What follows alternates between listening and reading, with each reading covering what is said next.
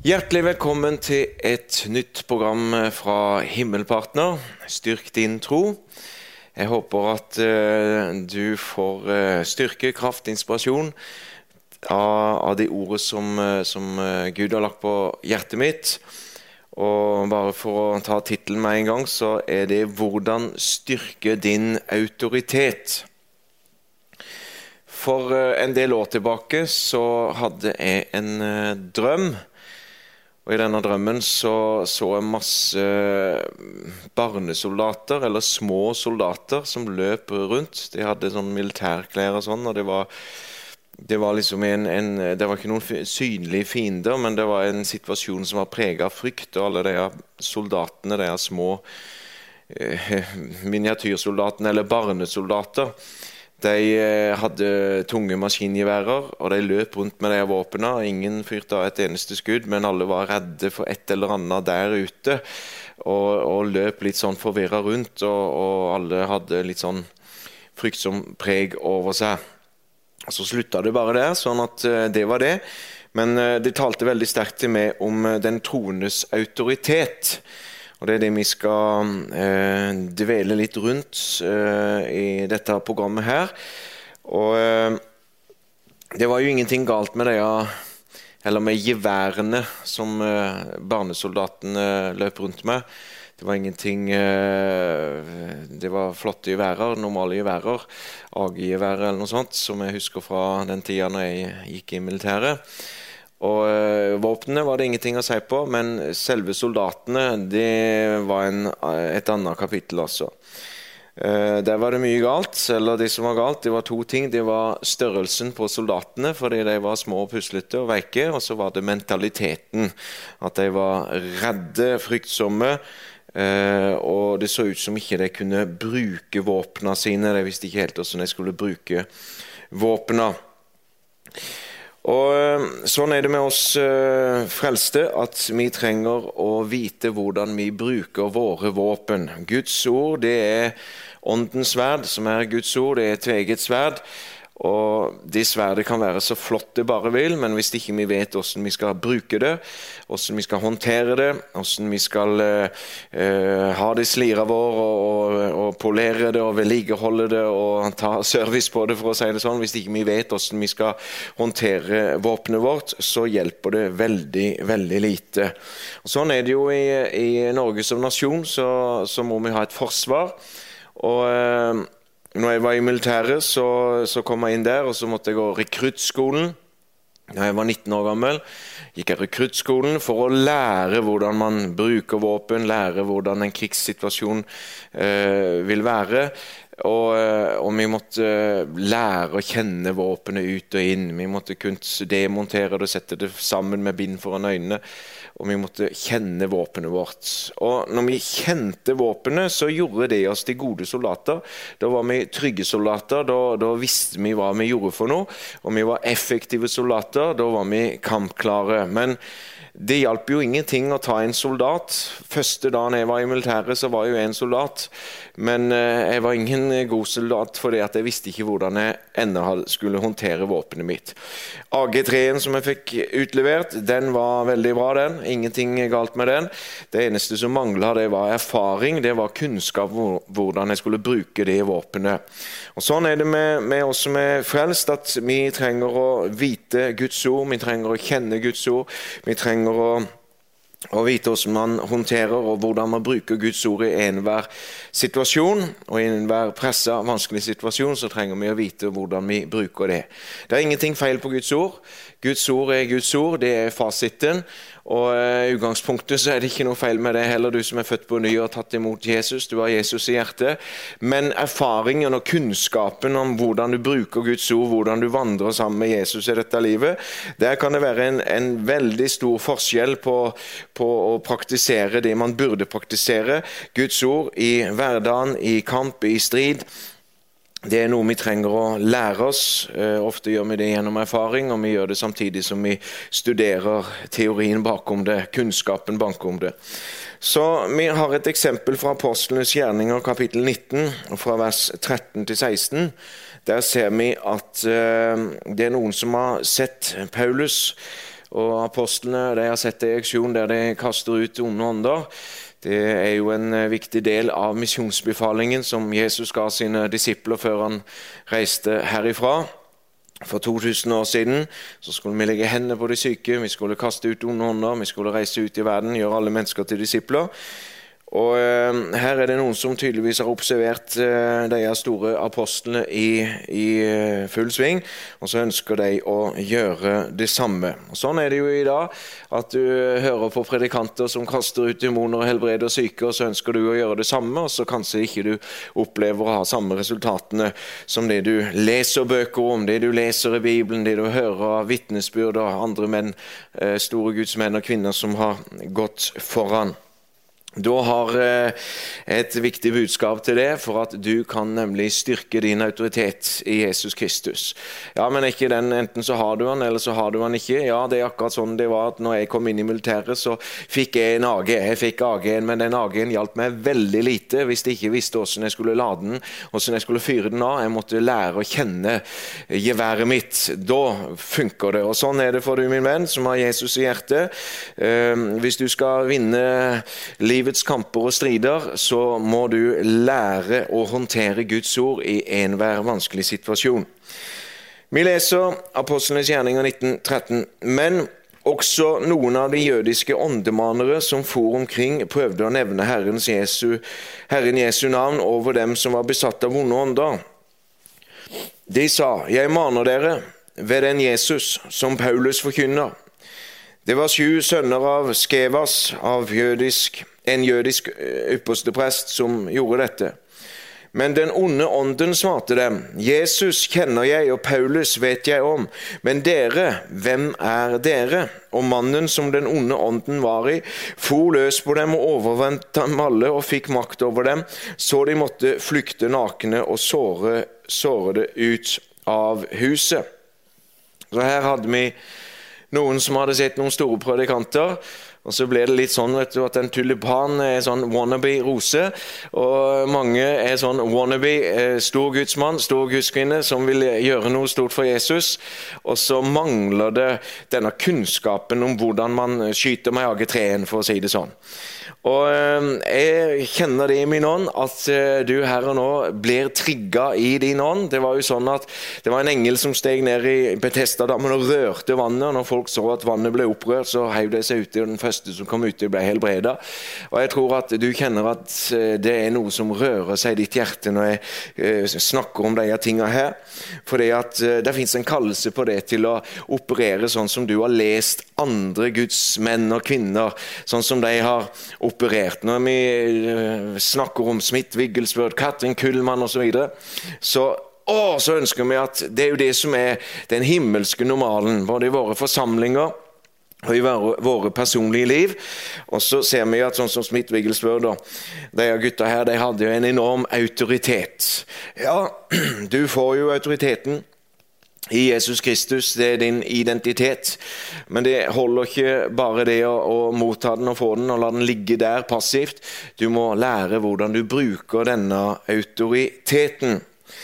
Det er jo sånn at eh, hvis du skal håndtere en hest eller et dyr, men la oss ta eksempelvis en, en, en hest og Kanskje det er første gangen du skal leie en hest i, i et område, eller du skal ri på en hest, eller noe sånt så vil hesten med en gang merke om du er utrygg, usikker, litt nervøs, om du er redd for hesten. Og Hvis hesten merker det, at, eh, at du er litt redd for hesten, så, så, vil den begynne å ta makta med det. altså. Da vil han begynne å bryske seg og gjøre det den vil, og gå dit den vil, og, og bli litt tresk og sta, og ikke lyde ordre. Men med en gang hesten får signaler fra det, at du har autoriteten her, det er du som er sjefen, det er du som vet hva du vil, og du, du er ikke redd for hesten, det er du som som, som herre over hesten, og den som skal lyde det, så er hesten lydig. Det er det som ligger i autoritet. Sånn er det med en politimann. at Sett en, en, en mann i sivile klær som trafikkpoliti i en trafikkert gate, så er det ingen som bryr seg om han. De kjører som de vil. Men med en gang bilistene ser at her står det en mann med politiuniform, så vet alle at han der har autoritet, og hvis det ikke lyder han der i politiuniform, så kan jeg få bot og i verste fall havne i fengsel. Så da er det best å bare gjøre akkurat sånn som den politimannen vil. Det er fordi at uniformen gjør forskjellen. Det er den som gir autoriteten. Og vi som, som eh, som er frelst. Vi har blitt ikledd Jesus Kristus. Han har frelst oss, og vi har en rustning ut fra Efeserne kapittel 6 som vi kan ikle oss med. Men om ikke du kan håndtere og vite hvordan du bruker rustning og sverd, så hjelper det veldig, veldig lite. Jeg har sjøl merka det. Eh, på mine mange misjonsreiser så har jeg kasta ut onde ånder fra mennesker. Og har, eh, har, en god dels år erfaring med det og lært litt underveis. Og Jeg husker i begynnelsen hvordan du kunne ta lang tid å kaste ut onde ånder av et, et menneske. og Man var litt usikker og sånn. Og Så ser vi det at en beretning der det er en far som kommer med en gutt, fortviler til Jesus. Dine disipler kunne ikke kaste ut noen annen. Jesus blir veldig opprørt. Hvor lenge skal jeg tåle dere? dere hvorfor tviler dere? Han, Jesus han, han, legger alt sammen på disiplenes vantro. Kom hit med gutten, og så kasta eh, Jesus denne demonen ut av denne gutten her. Så, så du vet det at eh, når i begynnelsen når jeg begynte å kaste ut demoner, så kjente jeg av og på det at hvis demonen ville jo ikke ut, så da ble jeg litt usikker og da ble jeg litt redd og litt fortvila litt motløs i sånn korte perioder, sekunder, liksom i den seansen der at du kaster ut en demon. Og så, så merker jo demonene det med en gang. Men når du begynner å få erfaring, og du vet hvem du har med å gjøre, når du vet kraften i Jesu Kristi blod og kraften i Jesu Kristi navn, når du begynner å erfare dette her ved praksis, ikke bare teori og kunnskap gjennom Guds ord, men du vet dette her i praksis, så begynner du på en måte å bli kjent i helvete. altså. Demonene som har blitt kasta ut, de sprer rykte i sin demoniske verden, og så får du et litt sånn rykte der. Eh, i den onde verden. Og det er, jo, det er jo herlig. Sånn var det når vi leste i begynnelsen her om de prestene som ønska å kaste ut demoner. Og demonene svarte det at eh, Eller den onde ånden svarte dem. Jesus kjenner jeg, Paulus vet jeg, hvem, vet jeg om, men hvem er dere? Så Jesus eh, visste de godt hvem var. Paulus hadde de stor respekt for. Og det var jo sånn at Når Peter gikk på gata og bare skyggen falt på de syke, vet du, så, så, så ble det helbreda.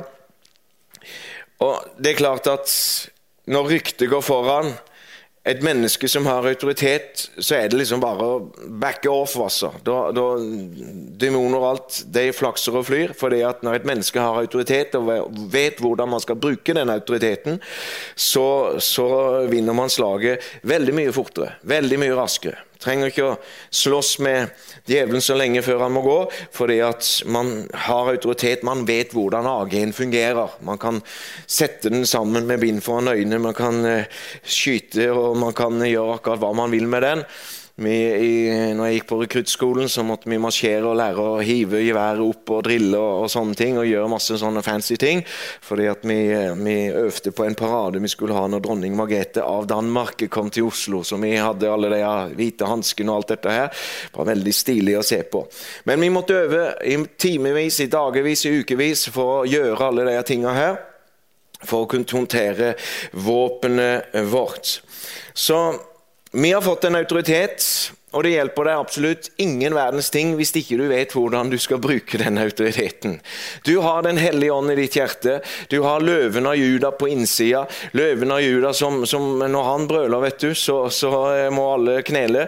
Han bor inni der, men hvis ikke du vet hvordan du skal bruke din autoritet, så hjelper det absolutt ingen verdens ting. Derfor så har jeg dette programmet nå, for at du skal begynne å trenge inn i det som har med å opparbeide og styrke og bygge din autoritet i Jesus Kristus. Eh, Jeg har vært borti mange mennesker i løpet av min tjeneste som eh, har slitt med sykdom. Jeg har sett mennesker som har blitt helbreda, og jeg har sett mennesker som har blitt helbreda, som har mista sin helbredelse. Som har vært frisk en periode, ble smerten forsvant der og da, de har vært friske i flere dager eller uker, eller til og med i måneder, og så plutselig så kan sykdommen komme tilbake, eller smerten, eller hva det enn det var som de hadde problemer med, kan komme tilbake. Og det er jo sånn at Jeg som, som, som, en predikant eller en som ber for de syke, jeg har jo autoritet til å be for sykdommer, jeg har autoritet til å kaste ut sykdomsånder. Og jeg kan, jeg kan, ta autoritet over det der og da. Men så er det tross alt sånn at når en, et menneske har frelst, har det mennesket fått en egen autoritet. altså. Og da, da, ligger det på det mennesket som har blitt frelst, som har fått en autoritet. Sånn er det ikke for ufrelste mennesker. Da er det vi som kommer, og så står det mer på oss og Gud, og det mennesket er litt ute av bildet. Vi bare kaster ut en ond ånd eller en sykdom. Men et menneske som er frelst, da, som, som er syk og som blir helbreda, det er litt annerledes, for det at det mennesket har fått en autoritet. Og hvis ikke det mennesket vet hvordan man bruker autoriteten, så kan man bli helbreda, være frisk en periode og bli syk syk igjen. Og det som man trenger å gjøre da, det er også når symptomene vender tilbake, så tramper man hardt i gulvet.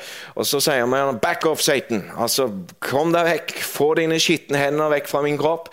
Jeg tillater ingen sykdom å komme tilbake her. Bli litt sinna. Ta autoritet, bli hellig vred på sykdom, på djevelen, og ikke tillat at det skal komme tilbake igjen. Og Så må man bruke Guds ord. Og så må man fyre av noen salver fra Guds ord. Det er den kraftigste ammunisasjonen som fins. Det er det sterkeste kruttet som fins. Det er Guds ord. Og når du fyrer av det, så må være en autoritet som reiser seg mot Kristi autoritet, det må bøye kne. Det verste man kan gjøre når man har blitt helbreda, merker han symptomene kommer tilbake igjen. Det dummeste man kan gjøre, det er å utbasunere og tale ut at 'Å nei, nå kjenner jeg blir dårlig igjen. Å, jeg ble ikke helbreda likevel. Å, jeg mister helbredelsen min.'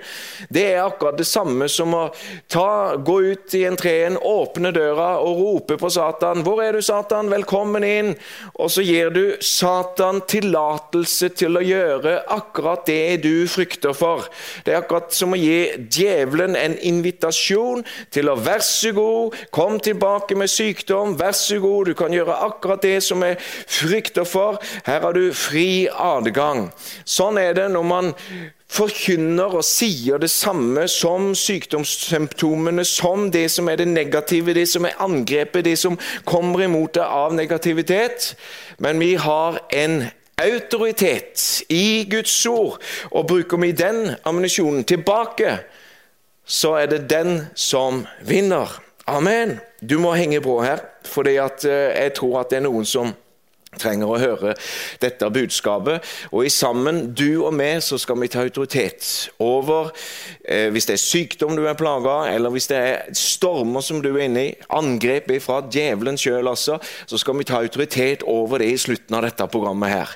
Du og meg i sammen skal bli enige, og så skal vi bruke Guds ord, og så skal vi bruke Jesu navn på å knekke det angrepet som kanskje du står midt oppi nå. Smil, du har gjort en god deal. Amen. Den troende har en autoritet til å vokte sin egen dør. Når du kjenner våpenet ditt, så blir du en tryggere soldat. Og Nå må vi gå inn litt i det teoretiske her for å skjønne hvordan ting fungerer. For det, fins et kontaktpunkt mellom Gud og mennesker. Og at et menneske på denne jord er skapt sånn at man lengter etter å ha kontakt med Gud. Man ønsker det. Hvis det skjer ting et sted, vekkelse, åndsydelse, mennesker blir helbreda, så løper masse mennesker til det stedet fordi alle vil jo møte Gud. Alle vil jo lengter etter å få en berøring av Gud. Salomos årsbok 2027. Menneskets ånd er en Herrens lampe. Den ransaker alle kamrene i hans indre. Menneske, menneske, menneskets ånd er en lampe. Den ransaker alle kamrene i hans indre. Så mennesket er jo helt, men det er jo tredelt. For, og Vi består jo av masse forskjellige deler. Ører, nese, og indre organer og, og skjelett og alt mulig. Som, som, utgjør et menneske. Men det er ikke bare det fysiske, det er jo det åndelige. Og et menneske, som Paulus beskriver det, det er ånd og sjel og legeme. Så du er en ånd, og du har en sjel, og du bor i en kropp. Og For å dele det inn sånn, så er det mye lettere å forstå visse ting. Så mennesket er en ånd. altså Menneskets ånd er Herrens lampe. Det er der du kontakter Gud. Det er der Gud kan tale til deg. Det er der han kan berøre deg. Det er i din ånd. Det er ikke først og fremst i kroppen din eller i kjeden din. For din ånd er det innerste i ditt vesen. På utsida så ligger sjelen, og på utsida der igjen så har du kroppen. Og så står sjelen imellom denne verden og den himmelske verden. Og sjelen den mates kontinuerlig med, med påvirkning av denne verdensånd. Men din sjel kan også mates kontinuerlig med påvirkning av Guds ord. Av Den hellige ånd og de mennesker som er født på ny. Det ble jo et, en ny skapning. Det er en sammensmeltning av Den hellige ånd og din egne ånd ufrelste mennesker ånd. Og når den ånden blir født på ny, så blir det et DNA av Den hellige ånd som, som smelter seg sammen, og det blir en ny skapning. Og den ånden kan Gud snakke med. Det er sånn at Alle ufrelste mennesker har mulighet til å, til å, komme i kontakt med Gud. Ikke fordi at de har eh, en kropp eller en sjel, men fordi de faktisk har en ånd, og det er kontaktpunktet. Eh, i Gammeltestamentet og i Nytestamentet det virker likt i begge deler, selv om vi ser at hovedtyngden ofte i Nytestamentet det ligger i at når mennesker opplever Gud og får opplevelser og syner og åpenbaringer, som Peter som ser denne duken blir firt ned i fire hjørner med alle dyr, han hører slakt og spiser og et og sånn, så er det en, da er han i transe. altså. Han er i henrykkelse, så han ser dette i sin ånd. Sammen med Johannes på, på øya Patmos, når han får syner og åpenbaringer der. Når Paulus eh, lider skipbrudd, så står han fram og sier det i Apostlenes gjerninger 27 at eh, en Herrens engel kom til meg i natt. Dette er sånne åndelige ting som man ser, mens man ser litt mer i Gammeltestamentet. Så kommer en engel til Manoa, til foreldrene mor til, til, til, eh, Samson før han ble født. og Så sier han at nå skal dere få en sønn som skal hete Samson, og skal ikke komme rake kniv på hans hode. Det var jo en fysisk person som kom gående der. Noe åndelig som manifesterte seg fysisk. Ofte så ser du miraklene i Gammeltestamentet er mer fysiske, sånn som at Rødehavet deler seg, og, og det skjer eh, masse mirakler og, og ting og tang der. Men òg i Gammeltestamentet så ser vi at Gud han opererer med å tale til menneskets ufrelse frelste ånder som ikke er født på ny.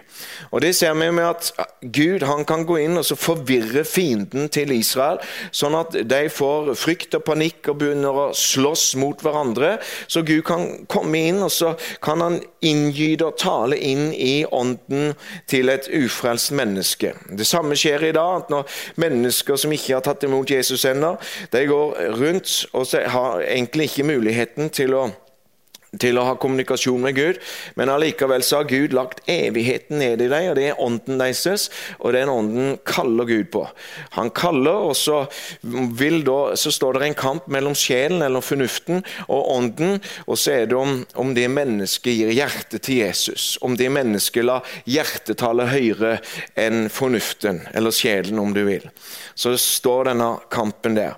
Men i andre krønikerne 36, 22 så ser vi et eksempel på hvordan Gud kunne tale til en hedensk konge eh, og tale til hans ånd. Der står det så skjedde det i perserkongen Kyros første år, for at Herrens ord i Jeremias munn skulle oppfylles. Vakte Herren slike tanker i perserkongen Kyros ånd? At han lot utrope i hele sitt rike og dessuten kunngjøre ved en skrivelse. Så sier Kyros, kongen i Persia, Herren himmelens Gud har gitt meg alle jordens riker, og han har pålagt meg å bygge et hus for ham i Jerusalem i Juda.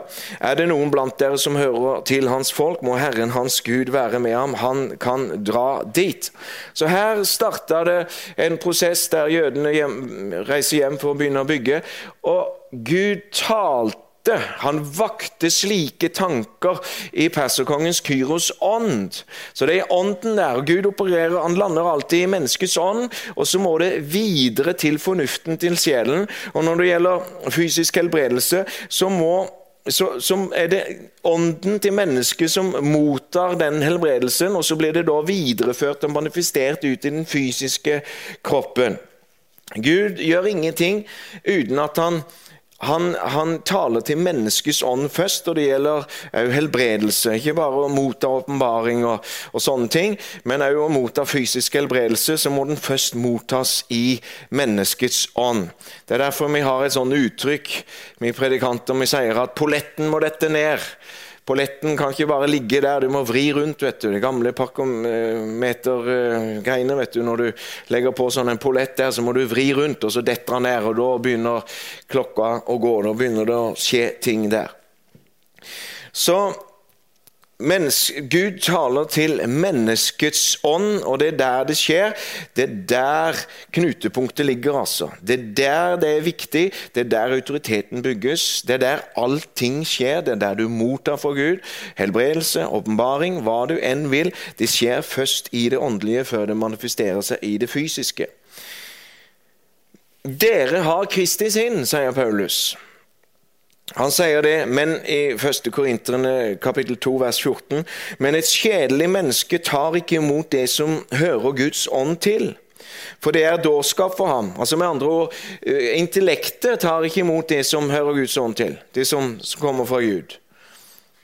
Men et kjedelig menneske tar ikke imot det som hører Guds ånd til, for det er en dårskap for ham, og han kan ikke kjenne det.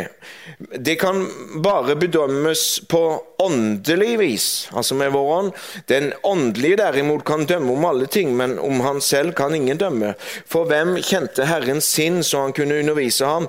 Men vi har Kristi sinn. Vi har Kristi sinn.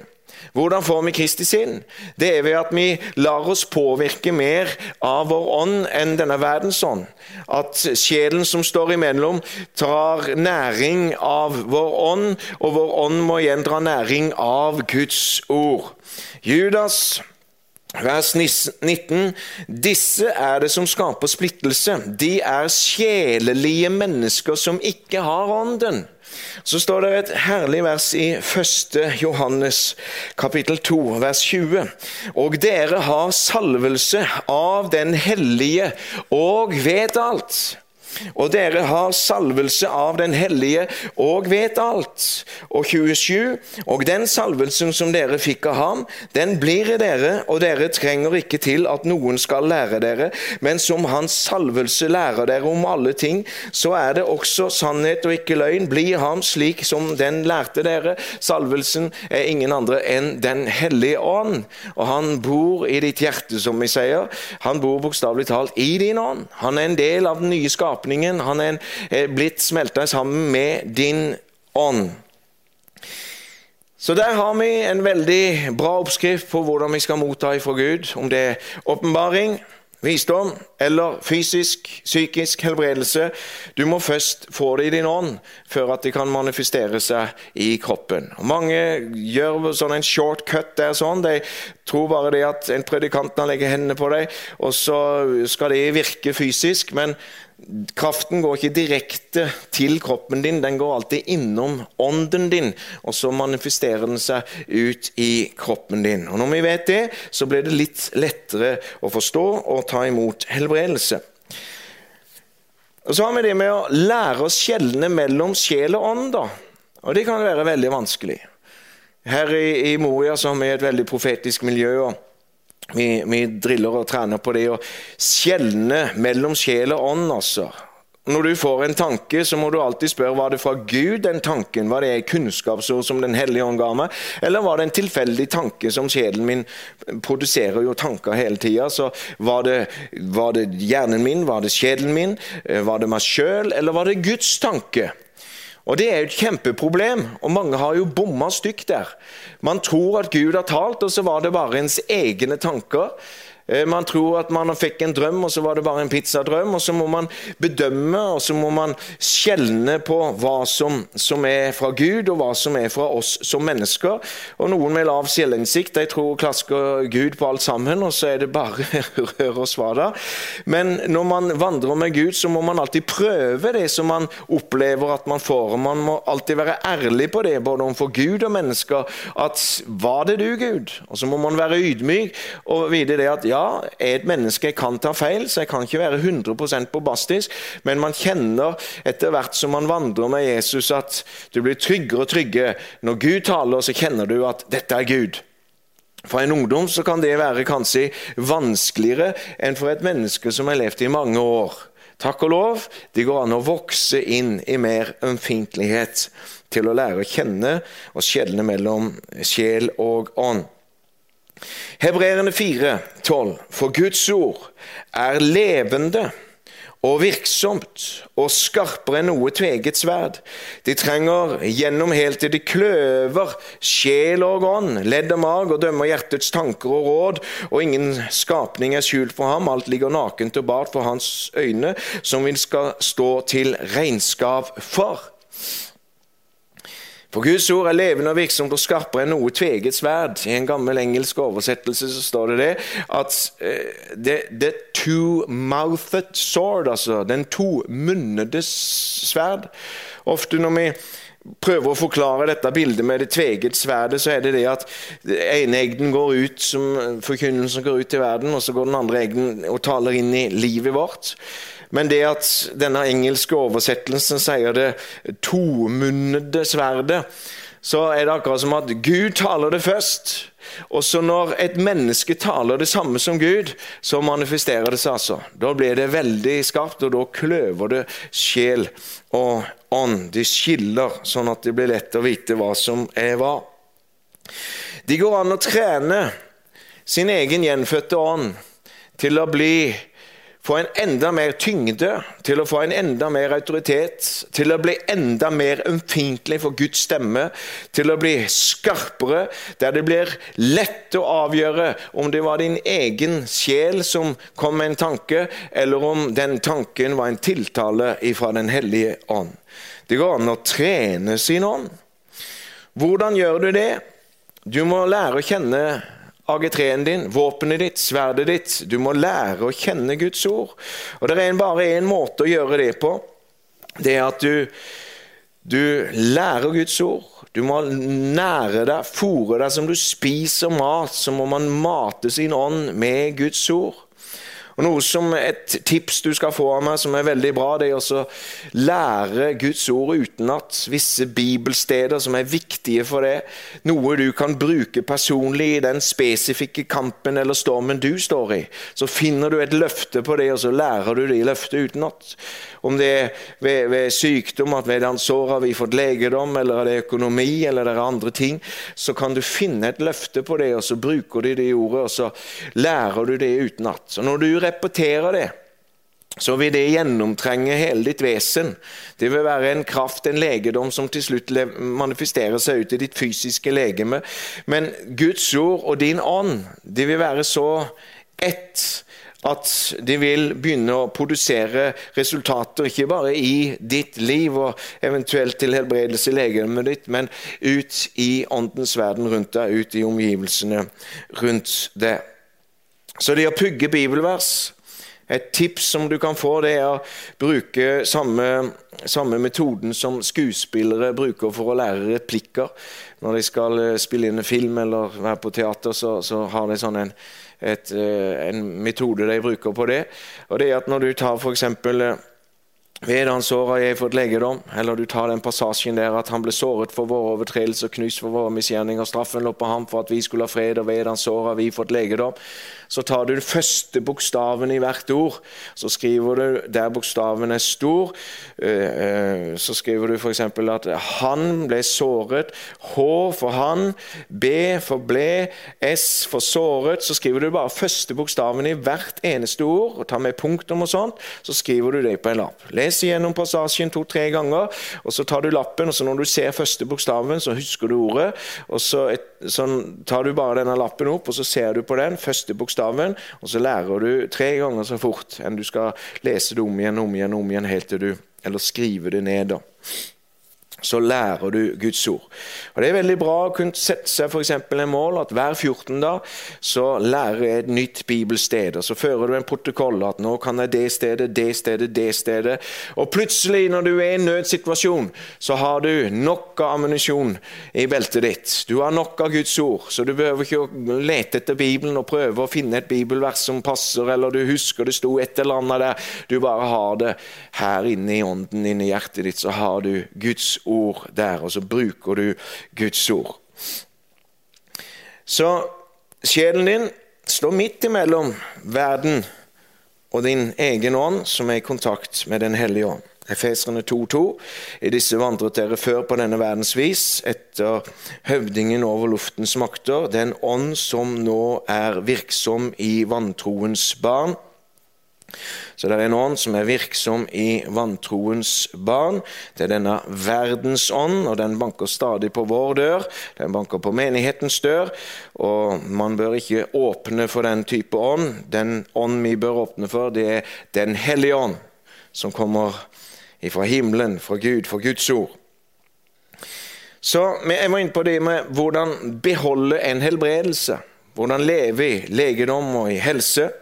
Vi lever i en fallen verden. Syndefallet har gjort sitt inntog, og det ser vi.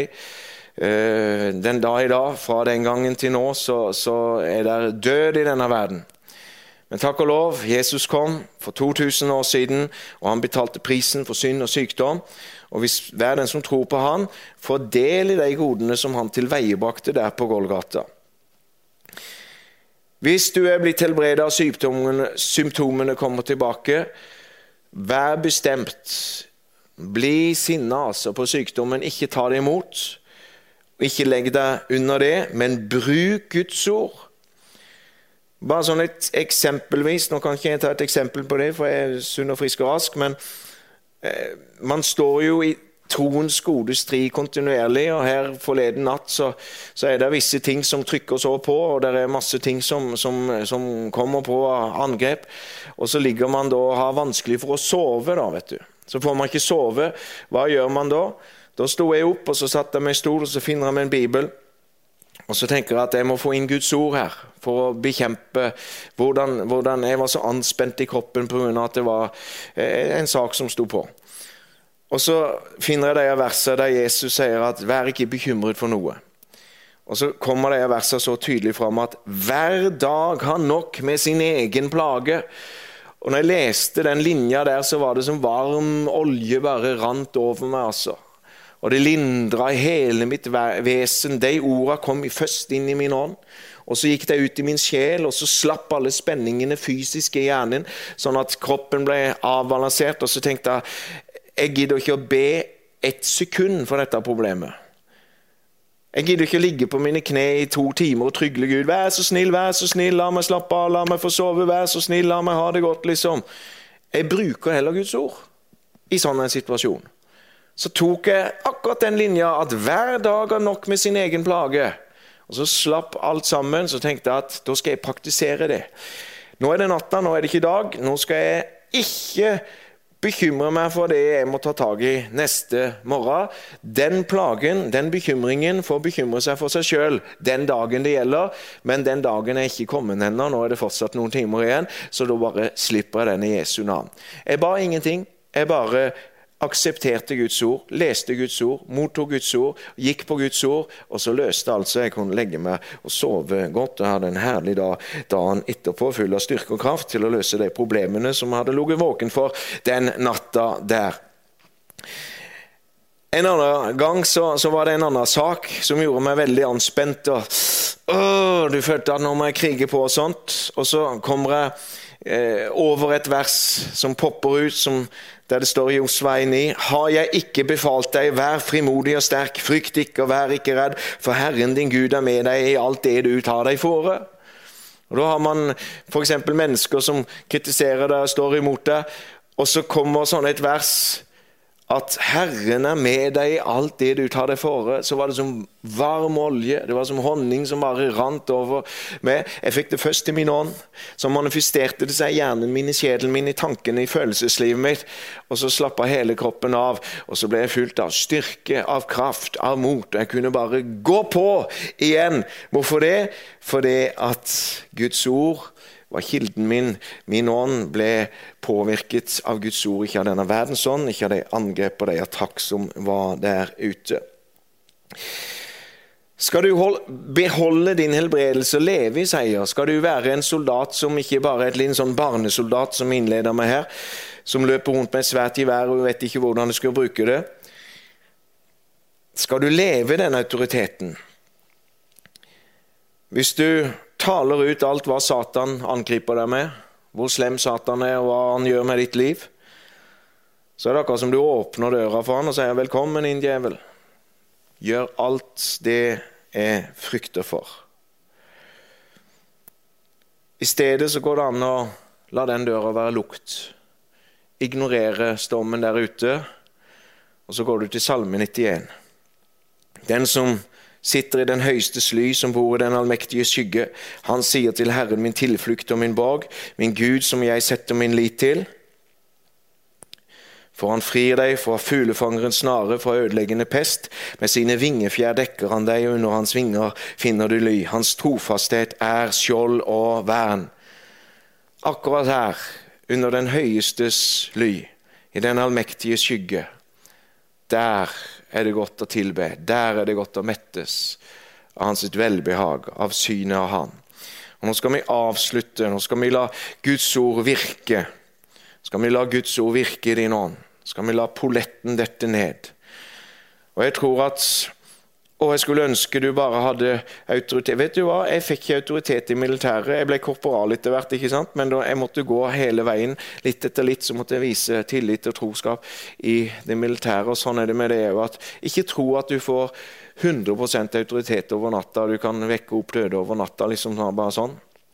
Men gå den veien litt etter litt, og en dag så er du der. Da har du da har du kunnskapen hvordan du skal bruke den autoriteten der. Nå vil jeg bare be en bønn for det som står i en storm, og du som er syk. I Jesu Kristi Nasarerenes navn så bryter jeg hvert et satanisk angrep, og jeg stopper det mot livet ditt nå. I Jesu navn! Og du tar imot Guds kraft som kommer over deg nå. Og i Jesu navn så befaler jeg hver en smerte, hver en sykdom og hver en sykdomsånd å gå i Jesu Kristi navn! Og Så er du og vi enige nå at du har tatt imot din helbredelse. reist opp, testa ut, tramp i gulvet og si at ingen mer sykdom. For i dag er jeg frisk, og den helbredelsen skal jeg holde på i Jesu Kristi navn. Gud velsigne deg.